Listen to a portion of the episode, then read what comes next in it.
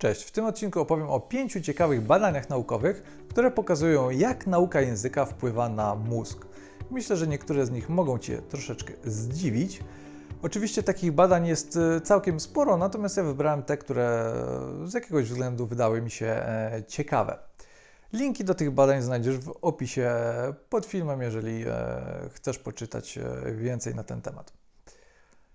Pierwsze badanie pokazuje, że nauka języka poprawia e, koncentrację. To badanie zostało przeprowadzone na 33 osobach uczących się języka gaelickiego szkockiego. E, w badaniu była też grupa kontrolna, były to 34 osoby, z których połowa uczęszczała na kurs, e, ale nie języka, tylko czegoś innego, a druga połowa nie uczęszczała na żaden kurs. I na początku takiego tygodniowego kursu nie było między tymi osobami żadnych różnic, natomiast y, już po tygodniu takiego intensywnego kursu zauważono, że mm, u tych osób, które uczyły się języka, y, poprawiło się e, przełączanie uwagi i koncentracja. I co ciekawe, e, ważne było również to, ile czasu te osoby poświęcały na naukę. Te osoby, które poświęcały 5 lub więcej godzin e, na naukę tygodniowo miały lepsze wyniki, natomiast u tych osób, które poświęcały na naukę 4 e, godziny lub mniej w ciągu tygodnia było różnie. U niektórych e, to się poprawiło, a u niektórych nie. Kolejne badanie przeprowadzone w Szwecji pokazało, że nauka języka sprawia, że nasz mózg dosłownie rośnie. E, uczestnikami tego badania byli studenci Szkoły Tłumaczy Szwedzkich Sił Zbrojnych, natomiast grupą kontrolną byli studenci medycyny i kognitywistyki. E, obie grupy przebadano e, rezonansem magnetycznym przed badaniem i trzy miesiące po intensywnej nauce. I e, po tym okresie u grupy kontrolnej nic e, nie zmieniło się w strukturze mózgu, natomiast u tych, którzy uczyli się języków, niektóre części mózgu urosły. Był to e, m.in. hipokamp i trzy obszary w korze mózgowej odpowiedzialne m.in. za język. I co ciekawe, u tych, którzy mieli lepsze wyniki, którzy nauczyli się więcej, zaobserwowano większy wzrost. Badanie numer 3 jest troszeczkę inne, bo dotyczy języka ojczystego i pokazuje, że mózg wygląda inaczej w zależności od e, naszego języka ojczystego. W tym badaniu wzięły udział 94 osoby. Część z nich e, mówiła po niemiecku, a część po arabsku. Dla wszystkich tych e, osób te języki były językami ojczystymi i za pomocą rezonansu magnetycznego przeanalizowano ich e, mózgi, strukturę tych mózgów i okazało się, że były tam e, różnice.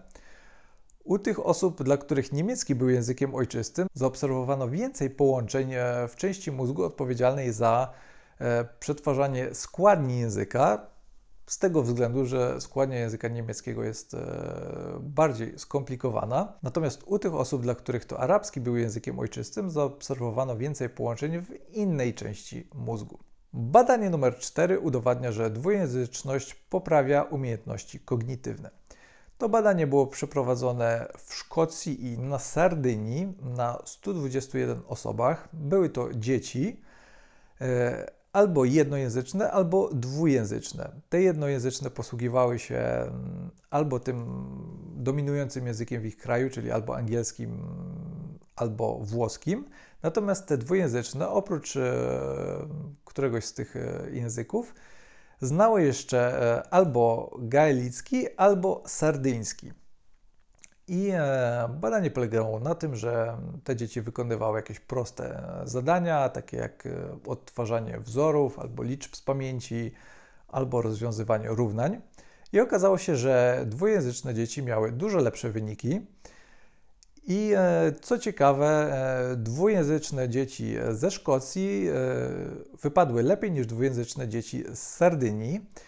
Prawdopodobnie dlatego, że w Szkocji obowiązuje edukacja dwujęzyczna, e, natomiast dwujęzyczne dzieci z Sardynii e, posługiwały się tym dodatkowym językiem, czyli sardyńskim, tylko w domu.